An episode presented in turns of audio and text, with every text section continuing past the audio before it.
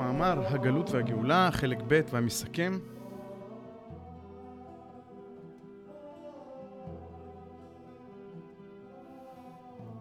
שוב איתכם, יהודה גלעד, אנחנו לומדים את אה, ספר מאמרי הסולם אה, שבעל הסולם כתב עבורנו והוצאת אה, אור הסולם. הוציאו לנו אותו עם הערות ועם עריכה נפלאה. המאמרים האלה חשובים שנכיר אותם, בעל הסולם כתב אותם בשבילנו, מקליט אותם כדי שתוכלו לשמוע אותם בדרככם בזמן שאתם שוטפים כלים, בזמן שאתם נוהגים, אם אין לכם זמן לקבוע עיתים לתורה, אז הנה קבעתם איתי. מסביר פה ממש כמה דברים בסיסיים בלימוד של אה, פנימיות התורה והשקפה של בעל הסולם, כפי שלמדתי בבית בן של סולם, אצל הרב אדם סיני שליטה, ב-16 שנים האחרונות, והנה מתחילים. בחלק הראשון של המאמר הסביר לנו בעל הסולם הרבה דברים. קודם כל אמר לנו, תראו, יש לנו תורה שניתנה לנו, וכל כמה שאנחנו מסופקים באמיתתה, אנחנו נחווה ייסורים, כדי שנבין שדברים שקורים לנו הם קורים מתוך השגחה מסודרת ולא מתוך מקרה. זאת אומרת, כל האיסורים שקורים לנו הם כדי לעורר אותנו, להבין שהם לא דברים מקריים. דבר אחד. דבר נוסף, הסביר לנו שהבעיות שלנו, של עם ישראל, נובעות מכך שאנחנו מתרחקים מציו... מציווי האמיתי של התורה, שהיא לעבוד לשמה. דהיינו, אנחנו עובדים בשביל להתקרב לנותן המתנה, ולא בשביל לקבל את המתנה. וכל היכן שאנחנו נפרדים מהמטרה הזאת, ורוצים לערב את האגואיזם הצר דהיינו הלא לשמה, מתוך המשוואה הזאת, אנחנו יוצרים פירוד בעם ישראל, שבדרך כלל נושא איתו תוצאות קשות. אומר, חורבן בית ראשון נבע מכך שהאצולה של עם ישראל כפרה במידה מסוימת בתורה ובנבואה, כי רצתה, בשל הקרבה שלה לגויים אחרים, גם הם לקבל כל מיני טובות הנאה בחיים, עשירות ועוצמות וכאלה דברים. אז כפרו בתורה ובעצם יצרו פילוג בעם, ובשל הפילוג הזה חרב הבית, כי הבית מייצג איזשהו יחד של עם ישראל, כי היחד הזה הוא הגשר אה, והתנאי ההכרחי גם לקבלת התורה וגם לבוא לפני המלך. דבר נוסף, בבית שני, אותה סיבה, רק בצורה הרבה יותר גלויה. שם, מי שכפר ביסודות התורה, היסוד העיקרי שהוא הלשמה, היו תלמידי חכמים, או תלמידים דלא מעלה.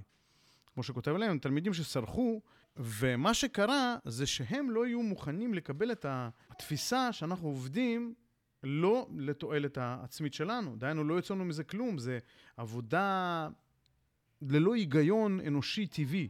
וזה היה קשה, ומכיוון שלא הסכימו לקבל את הרעיון הזה, לאט לאט לאט הרעיון הזה צמח, ו... לקחו ועיוותו את הדברים, את אה, יסודות ההשקפה והאמונה היהודית, כדי שיוכלו, שיוכלו לגבש מאמינים שילכו איתם ויוכלו בעצם לחזק את, ה, את התפיסה שלהם, את התורה שלהם. זה תהליך שקורה לנו כל הזמן, שאנחנו רוצים להיפרד מאיזושהי אמת שמכריחה אותנו לעבוד ואנחנו לא רוצים לעבוד, אז אנחנו יכולים להגיד, אוקיי, אני לא ראוי את האמת הזאת, אני רק בדרך, אני סוג של, אני עוד לא אדם, אני סוג של אה, בכיתה א', אפשר להגיד גם בשפה מקצועית של פנימיות התורה, בהמה, דהיינו, בה נמצא המה, אני עובד בשביל עצמי, או להגיד מי בכלל אמר שזאת האמת. זאת לא אמת. כן, אבל אם כולם אומרים שזאת האמת, אז אתה צריך עכשיו קבוצה גדולה שהיא תגיד איתך ביחד שזאת לא האמת. זה קורה לנו גם בנפש וזה קורה לנו גם בחוץ, אנחנו רואים את זה. אז צדוק ובייטוס, הם הקימו ככה קהילה של צדוקים, שביניהם נמנו האצולה והמלוכה של עם ישראל, ובשל כך היה פירוד אה, בעם, לא רק בין צדוקים לפרושים, אבל גם איסיים שרצו להתרחק מכל הסיפור הזה וללכת ולחיות איזשהם חיים אה, נזיריים, מאוד קהילתיים, כפי שראוי ליהדות במדבר ולהתרחק מכל הדברים האלה וכולי וכולי. רומי באו לעשות פה סדר בבלגן, כי היו לנו מלחמות בינינו, מלחמות אזרחיות, נקרא לזה ככה, ואפילו, אפילו שהיינו צריכים לעשות שלום עם רומי, כפי ציווי התורה והחכמים, מכיוון שעזבו את התורה בשביל האנוכ... האנוכיות הפרטית, מלחמה וכולי, יצאנו לגלות ארוכה מאוד. בעל הסולם לא נגיע פה ביסודות האמונה ודברים מטאפיזיים נקרא להם ככה, אלא מדבר איתנו על היסטוריה וסוציולוגיה בינתיים. בגלות מספר שגם שם שמרה עלינו התורה. בכל מיני מובנים. אפילו שאנחנו המפותחים מכל האומות, בשל ההתקדמות הרוחנית שעשו אבותינו, ובשל כך מדקדקים איתנו ודורשים מאיתנו שנעשה את התפקיד שלנו. ואם יורשה לי, כך שמעתי מרבי, ששורש האנטישמיות זה שהגויים, ביודעין או שלא ביודעין, מצפים מאיתנו שנעשה את התפקיד שלנו, וכל עוד אנחנו לא עושים את התפקיד שלנו ולא מביאים את האנושות לאחדות ושלום עולמי ואהבה, אז שונאים אותנו. נשים את זה רגע בצד. גויים ראו אותנו מפותחים, רצו לנצל אותנו וניצלו אותנו, ועם כל זה יצאנו מורווחים, בזכות ההשגחה. כי לא עזבנו את חוקי התורה, אבל איפה שעזבנו אותה, בגלל האנוכיות שלנו, בגלל ששינינו את מטרת חיינו מעבודת השם ליופי החיים, כפי שאומר בעל הסולם, גם כל העוצמה העודפת והכסף העודף של אותם האנשים שעזבו את חוקי התורה, היא באה לטובתם האישית, לטובת יופי החיים, כפי שאומר בעל הסולם, ולכל מטרות פרטיות. וזה גרם לקנאה ושנאה בקרב יושבי הארצות, וכך התגלגל הסיפור, מביא לנו את מה שקרה עם היטלר וכולי, כדי בסוף לסכם לנו אה, ולהגיד, שימו לב, אתם יכולים להגיד שהדברים האלה קרו לנו מטעמים פשוטים של לאומנות, חוקים של, של, של, של מסחר, של כלכלה, של ניהול החברה, כל מיני טעמים סוציולוגיים. אוקיי, תגידו, אין בעיה. תשימו לב שהדברים האלה קורים בגלל שאנחנו עוזבים את התורה. אז זה כמו להגיד שאם היינו הולכים בחוקי התורה, זה לא היה קורה לנו. אז בין אם זה גורל עיוור, לבין אם זה השגחה, התוצאות הן אותן, אותן תוצאות. והוא אומר לנו, עדיף שנגיד לעצמנו בצורה חכמה יותר, בוא נלך עם התורה, כי התורה גם מספרת לנו מה עדיף לנו לעשות כשאנחנו הולכים קדימה. והיום אנחנו עומדים בדיוק בזמן שאנחנו רוצים לבנות את המדינה שלנו, את הארץ שלנו ואת הריבונות שלנו. כותב את זה בשנות ה-30, המאמר הזה התפרסם, כמדומני, בשנת 33, ממש הייתה פה צמיחה של אה, הרבה מאוד אה, יהודים אה, לא דתיים חילוניים שבאו לבנות פה מושבה חילונית, כמו באירופה. כי תנועת הרפורמציה ביהדות עבדה קשה וחזק במשך 100, 150, כמעט 200 שנה אחורה מאותה תקופה. ופה מזהיר בעל הסולם אומר, אני חוזר לזה כי זה מכניס אותנו לחלק השני של המאמר, וכוונתי בדברים אלו אינה אלא להראות אשר התורה וחוק ההתפתחות הטבעי, גם אפילו עם הגורל העיוור, הולכים יד אצל יד, בהרמוניה נפלאה, באופן אשר המקרים הרעים, הגלותים, שיש לנו לספר הרבה מימי גלותנו, כולם היו מסיבת המעל שמעלנו בתורה. ואם היינו נשמרים במצוות התורה, לא היה קורה איתנו כל רע חס ושלום. כי הוכחתי בעליל שאם קיימו את התורה, לא קרה אותם המקרים ההם. ועכשיו אנחנו ממשיכים לחלק השני, כותרת פנימית חשבון אנושי. ומתוך זה, הנני להציע לבית ישראל שיאמרו לצרותינו די. ויעשו חשבון, חשבון אנושי על כל פנים. מכל אלו הרפתקאות ששינו ושילשו עלינו. וגם פה בארצנו, שאנו רוצים להתחיל הפוליטיקה שלנו מחדש. שאין לנו שום תקווה להיאחז אל הקרקע בתור אומה כל עוד שלא נקבל את תורתנו הקדושה בלי שום הקלות, זולת בתנאי האחרון של העבודה לשמה. ולא לשם עצמו בשיעור אגואיסטי, כמו שהוכחתי במאמר מתן תורה, מאמר ו' שלמדנו. ואם לא נסדר עצמנו כאמור שם, הרי יש בנו מעמדות, אשר בלי ספק שמוכרחים להתגלגל פעם לימין ופעם לשמאל, כגלגול כל האומות, ועוד הרבה יותר, מפני שטבע המפותחים שאי אפשר לרסנם, כי כל דעה חשובה מבעל דעה מפותח. לא תרכין ראשה מפני שום דבר, ואינה ידעת פשרות, ועל כן אמרו חז"ל, אשר ישראל אזין שבאומות, כי כל שדעתו יותר רחבה, הוא עומד על דעתו ביותר, שזהו חוק פסיכולוגי. בואו רגע שנייה נעצור ונראה מה... בעל הסולם פונה לאומה הישראלית, בדיוק בזמן שאנחנו רוצים לבנות, כמו שאומר פה, להתחיל פוליטיקה חדשה, אה, או מחדש, לבנות את המדיניות שלנו, לבנות את הסדרים של החברה הישראלית בארץ ישראל. אומר, בואו נגיד לצרותינו די, בואו נעשה חשבון אנושי, עזבו אתכם, אני לא מדבר איתכם על דת. פשוט תעשו חשבון, יש לנו הרבה סיפורים, אנחנו יודעים לראות, לבנות, למדוד בצורה מדעית סקלרית, ששווה לנו לבנות חברה על פי התורה, ולא סתם בשביל אה, תרבות יותר עשירה, אלא בתנאי האחרון של העבודה לשמה. ואיך אומרים, באנגלית, tall order, מה זה? אתה רוצה לבנות אומה, ושכל האנשים יוותרו על הפרטיות שלהם ויעבדו רק לשמה, מעבר לכל היגיון? מה, האדריכלים והשופטים מגרמניה ו- ואנשי אה, פיננסים מאנגליה שהגיעו, ואנשי חקלאות אה, ו- וסופרים ומשוררים שהגיעו עכשיו מרוסיה?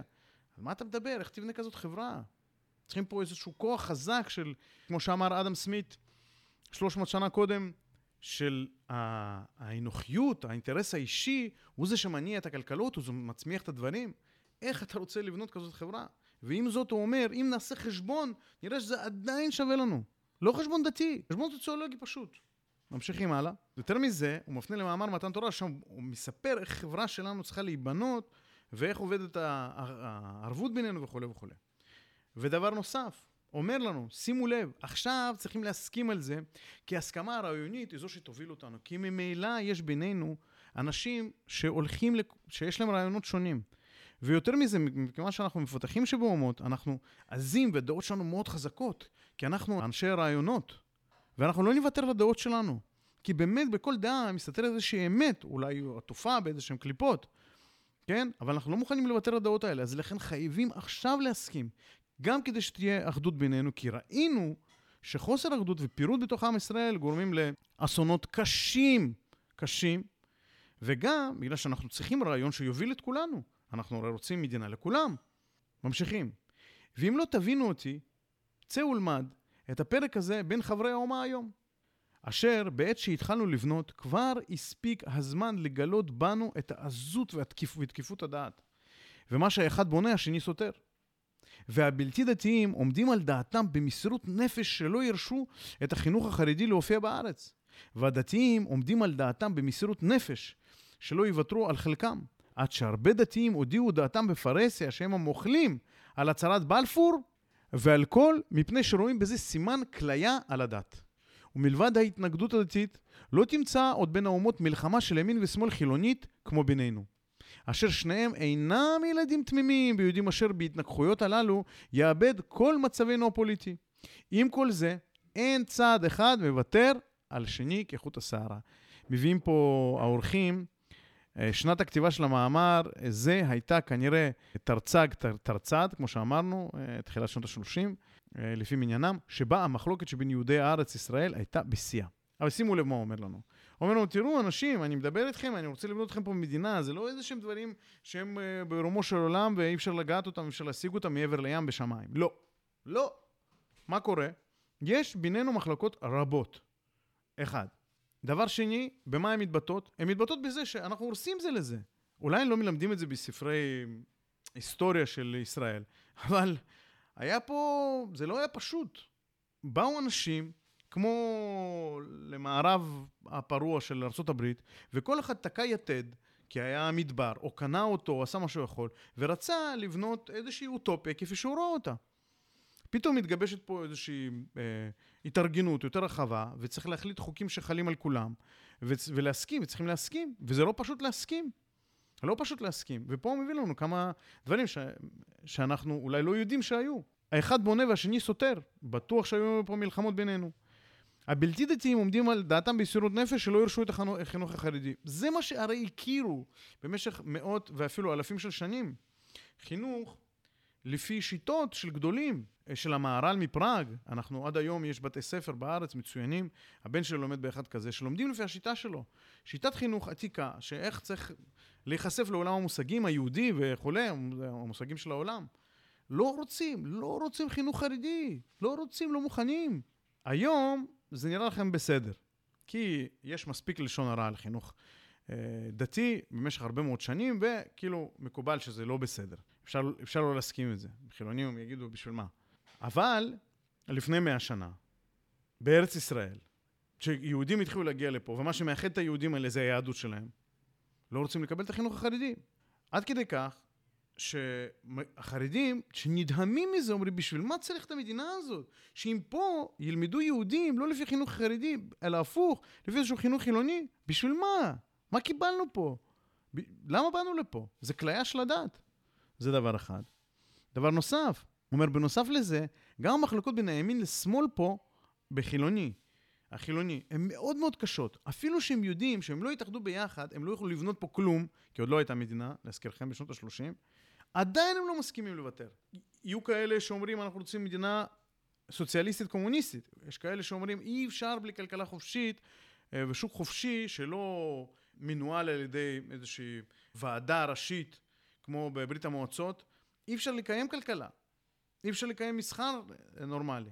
אנחנו לא רוצים, אנחנו רוצים uh, להיות בעלים של, ה, של, של הנכסים שלנו, אנחנו רוצים להיות בעלי קניין וכולי, כן? כי אנשים באים מכל מיני מקומות. מחלוקות קשות מאוד. רק אומר לנו שאנחנו חייבים להגיע לאיזושהי הסכמה, הסכמה משותפת כדי שנוכל סוף סוף להיות מונהגים לדעה אחת ולצעוד קדימה. ממשיך.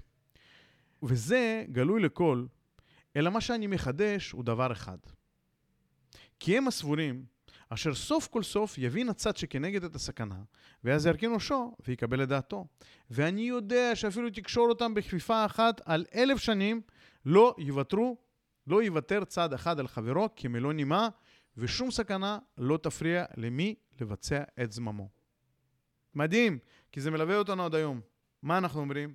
לא יודע. הימנים הלאומיים, לאומנים, יגידו, עכשיו יבואו השמאלנים לשלטון, הם לא יוכלו לעשות כלום, הם ישברו דברים, יהרסו את הכלכלה, אה, הערבים פה יעשו פוגרומים, חצי מהכנסת יהיה חברי כנסת ערבים שהם בעצם פלסטינאים, שרוצים לקדם את האג'נדה שלהם, ואז הם יבינו, או יפנו אותנו מגוש קטיף, ואז יהיו טילים מעזה, ואז הם יבינו ויצודדו עם החלק הימני של המפה, ואנחנו נעשה את זה. והשמאלנים אומרים הפוך, אותו דבר רק הפוך. אומרים, הם יבינו שהמלחמות לא נגמרות ככה, או אם אנחנו נהיה יותר מדי מוגדרים, אז העולם יסתכל עלינו בצורה מוזרה וכולי וכולי וכולי. אה, לא יודע, או שראש הממשלה שלהם מושחת, או שהם מושחתים, או שהם חשוכים, וסוף סוף הם יבחרו במנהיג אה, חילוני, ליברלי, או מנהיגה, או מה שלא יהיה, ואז הם יתעשתו. אומר בעל הסולם, לא יקרה. לא יקרה. מהסיבות שהזכיר. מפותחים, עזים ושומרים על הדעות. זאת אומרת, שאת הקונפליקט הזה הוא רק יחריף בצורות הרגילות. צריך למצוא לו מפתח מיוחד שיפתור אותו. ממשיכים.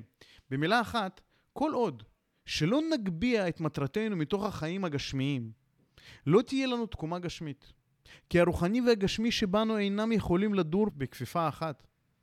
כי אנו בני האידאה, ואף אם אנו נשקעים במ"ט שערי החומריות, עם כל זה לא נוותר על האידאה.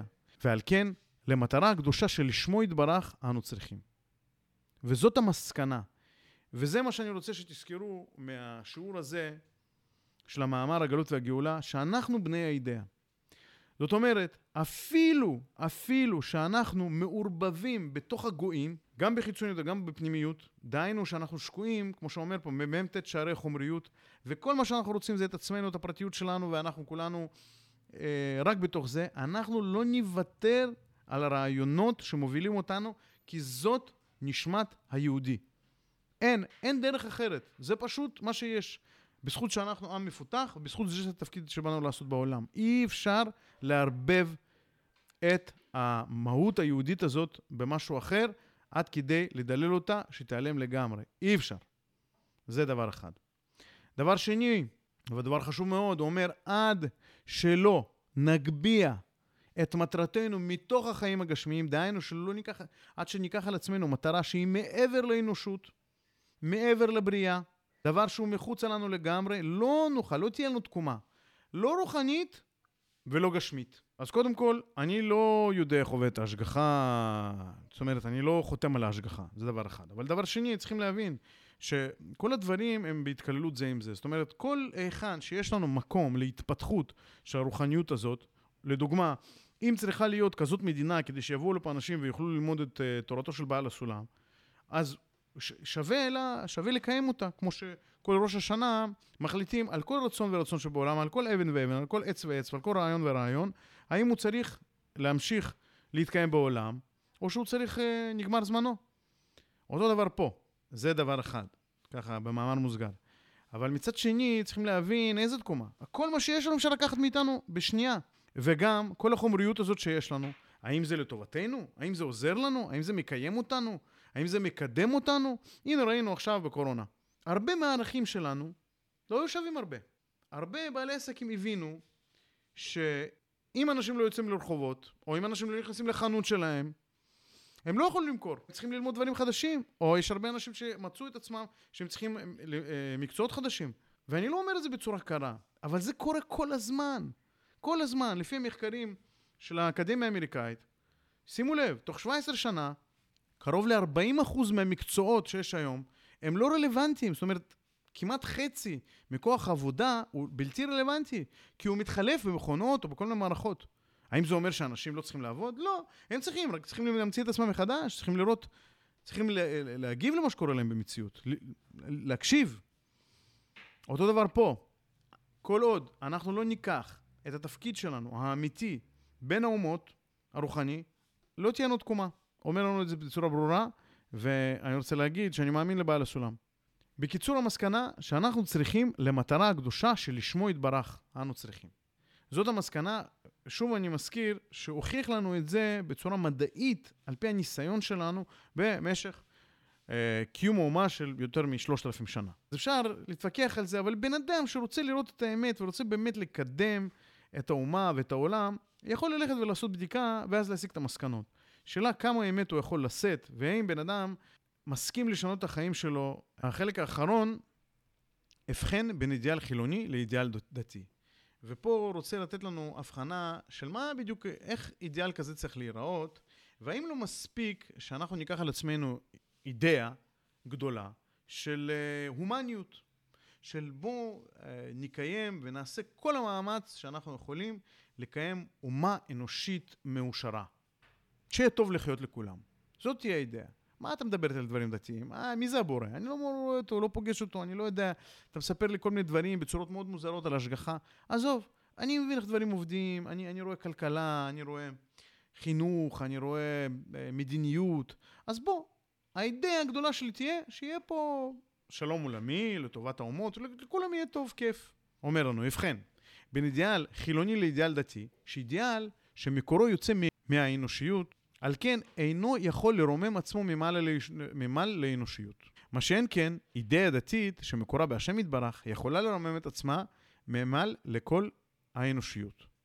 כי הבסיס של אידיאל חילוני הוא השוויה, והמחיר של תפארת מן האדם ומעשהו כדי להתפאר בעיני הבריות. ואף על פי שלפעמים מתבזה בעיני דורו, מכל מקום נסמך על דורות אחרים. ועל כל פנים, דבר יקר הוא כמו אבן טובה, שמזינה לבעליה הרבה, אף על פי ששום בן אדם אינו יודע ממנה ואינו מוקירה.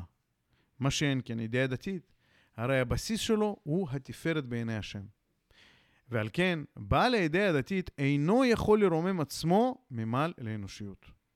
זה כנראה טעות סופר, שאינו זה טעות סופר, ככה גם מביאים האורחים, אז בואו נקרא את המשפט הזה שוב. מה שאין כן הידיעה הדתית, הרי הבסיס שלו הוא התפארת בעיני השם. על כן, בעל הידיעה הדתית יכול לרומם עצמו ממעל לאנושיות. בואו ננסה להבין את זה. קודם כל, בכך מסתיים המאמר. אומר שהבסיס לאידיאל חילוני אה, הוא זה שאתה רוצה לקבל שכר, המחיר של התפארת זה מן האדם. אתה רוצה לקבל הסכמה וכבוד מהאנושות, שיגידו, מה שאתה עושה זה דבר נכון, אנחנו רוצים בזה, זה יהיה לנו טוב. אומר, כן, אבל מה תגיד על מהפכנים גדולים, או אנשים שהקדימו את זמנם, שאף אחד לא הבין אותם, אף אחד לא קיבל אותם, הם היו המבוזים, והם היו הנרדפים, ובאמת אה, אה, שפטו אותם והרגו אותם, שמו אותם בכלא וכולי וכולי וכולי וכולי. אה, הם, הם פעלו מתוך אידאות אנושיות, לטובת האנושות. הוא אומר, נכון, נכון, אבל גם הם רצו לקבל הוקרה מדורות בני אדם, הדורות העתידיים. הם ידעו שבעתיד יכירו אותם ויעריכו את התורה שלהם. ועל כן, כל האידאות, כל הדברים שהם יכולו לעשות ולחשוב עליהם, לא יכולים להתעלות מעל לצרכים האנושיים, מעל לדמיונות אנושיים. זה איזושהי קופסה סגורה. אומר, מה שאין כאידאה דתית, היא מקורה בהשם יתברך, כי אתה עובד מולו. זה גם מה שאמר על הקומוניזם, שהקומוניזם היה יכול להצליח בגדול. אם אנשים היו עובדים מול השם, וזה החשבון שלהם היה, הם לא היו צריכים משגיחים. ככה גם בזוגיות. בני הזוג לא עובדים אחד כלפי השני, הם עובדים כלפי איזשהו אידיאל שמחוץ אליהם, וזה מה ששומר על הזוגיות. כי אנשים משתנים במשך השנים. יכול להיות שהיא התחתנה איתו כי הוא היה מצחיק, ואז הוא הפסיק להיות מצחיק, הוא נהיה בן אדם רציני. אז מה? נפרק את החבילה? לא, הם עובדים, כי לשניהם יש איזושהי מטרה שהם מחוץ לזוגיות. וזה מה שמחזיק את הזוגיות, וזה מה שנותן לה להיחלץ מכל מיני אתגרים ומבואים סתומים אה, של הטבע האנושי, ולהגיד, כן, אבל אם זאת המטרה שלנו, מה אנחנו יכולים, איך אנחנו יכולים לחשוב מחוץ לקופסה, איך אנחנו יכולים להתאים את עצמנו כדי אה, להגיע למטרה הנשגבה הזאת. וזה באמת ה... הדבר הגדול, פה ממש מרמז לנו את זה, ממש חסך לנו מילים בעל הסולם. תודה על מה שכתב. אה, כדי להסביר לנו את העוצמה הזאת של אידאה שהיא מעל האנושיות. אז צריך להבין שההומניות היא אומנם נעלה, אבל יש לה תקרה. ושם אנחנו נתקעים. והתקיעות הזאת שם, היא גורמת לנו להידרדרות ולנפילות.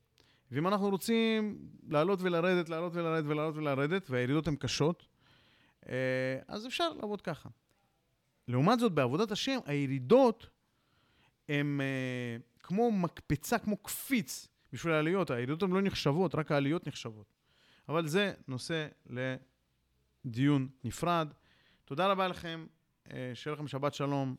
אני מצפה מכל האנשים שנהנים מהשיעורים האלה שיעשו לייק ויכתבו תגובות, תגידו לי מה טוב, מה לא טוב, תפרגנו, שאנשים אחרים ביוטיוב גם יוכלו למצוא את השיעורים האלה, כי הפצה זה מה שאנחנו צריכים לעשות.